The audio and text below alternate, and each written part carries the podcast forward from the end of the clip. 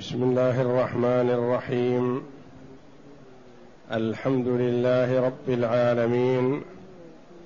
والصلاة والسلام على نبينا محمد وعلى آله وصحبه أجمعين. وبعد. أعوذ بالله من الشيطان الرجيم. وآية لهم أنا حملنا ذريتهم في الفلك المشحون وخلقنا لهم من مثله ما يركبون. هاتان الآيتان الكريمتان من سورة ياسين. يذكر الله جل وعلا شيئا من كمال قدرته وحكمته وما امتن به على العباد. فقال تعالى وآية لهم. آية علامة على قدرة الله جل وعلا أو دلالة أو عبرة يعتبرون بها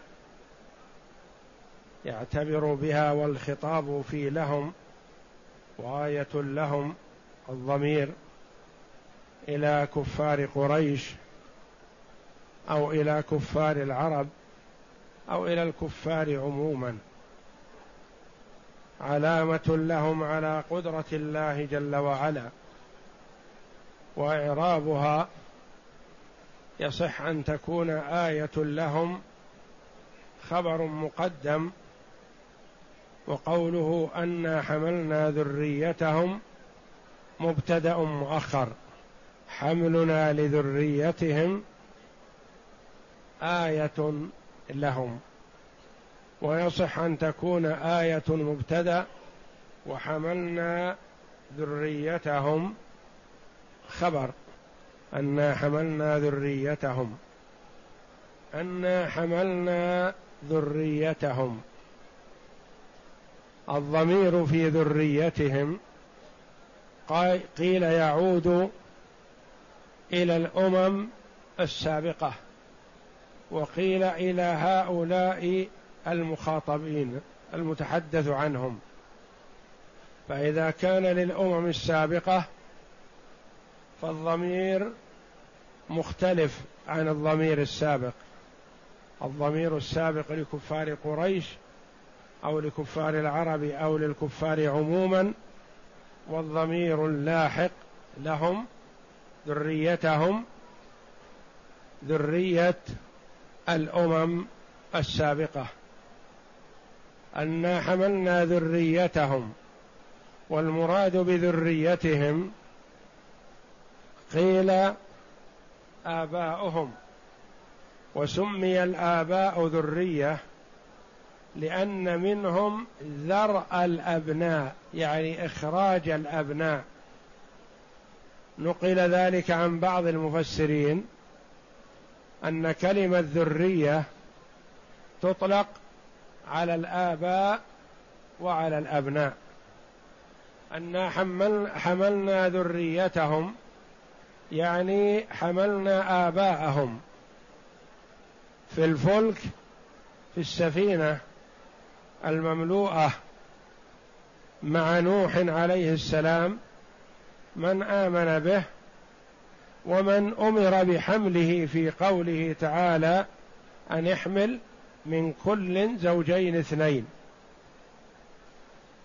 انا حملنا ذريتهم في الفلك المشحون يعني المملوء. ويروى أن الفلك الذي هو سفينة نوح عليه الصلاة والسلام كانت من ثلاثة أدوار ثلاث طوابق. الطابق الأسفل فيه السباع والحشرات والعقارب والحيات ونحوها. والطابق الثاني فيه الأنعام والحيوانات الإبل والبقر والغنم وحيوانات البر. والطابق الثالث الأعلى فيه من آمن به من الرجال والنساء والطيور.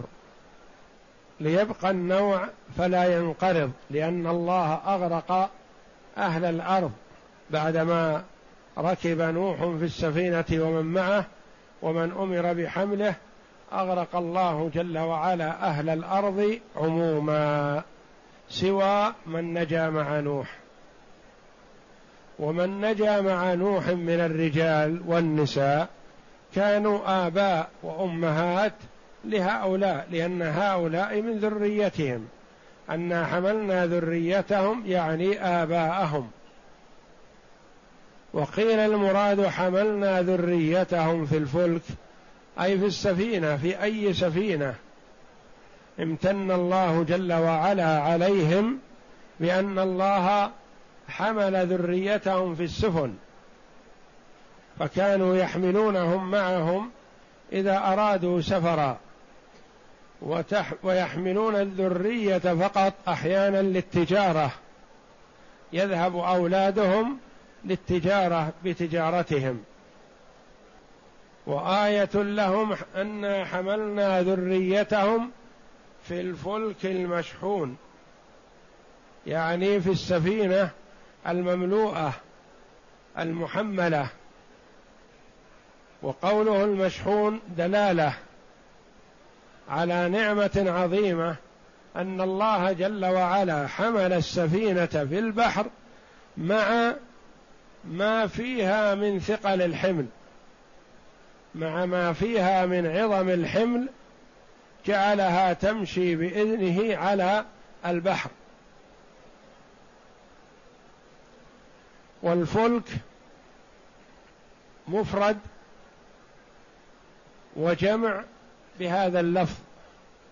فلك يطلق على المفرد الواحد وعلى الجمع من السفن. وخلقنا لهم من مثله. وخلقنا لهم مثله الذي يركبون. خلقنا لهم مثله الذي يركبون. على أن من الأولى زائدة وما الثاني ما الواردة في الآية بمعنى الذي. حملنا لهم مثله الذي يركبونه. ولم نقتصر بهذه النعمة على نوح عليه الصلاة والسلام ومن معه بل جعلنا لهم مثلها. يصنعون ويعملون مثل سفينة نوح. تحمل الأثقال وتسير في البحر. وقيل المراد وحملنا لهم من مثله ما يركبون يعني أوجدنا لهم سفنا يركبونها في البر وهي الإبل.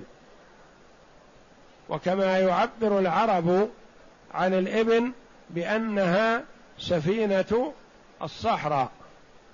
فالله جل وعلا امتن عليهم بحملهم وحمل آبائهم أو حمل أولادهم في البحر وحملهم في البر.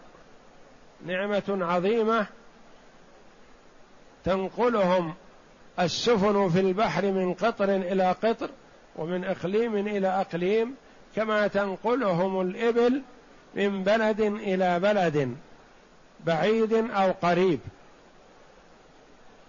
وخلقنا لهم من مثله ما يركبون. وخلقنا لهم مثله الذي يركبونه. يصح أن يكون المراد بها السفن التي أوجدوها وخلقوها هم وفعلوها بإذن الله جل وعلا وتعليمه. ويصح أن يكون المراد بها الإبل التي هي سفن الصحراء. يعني أوجدنا لهم سفنا تحملهم في البحار وأوجدنا لهم مثل ذلك ما يحملهم في البر والصحاري.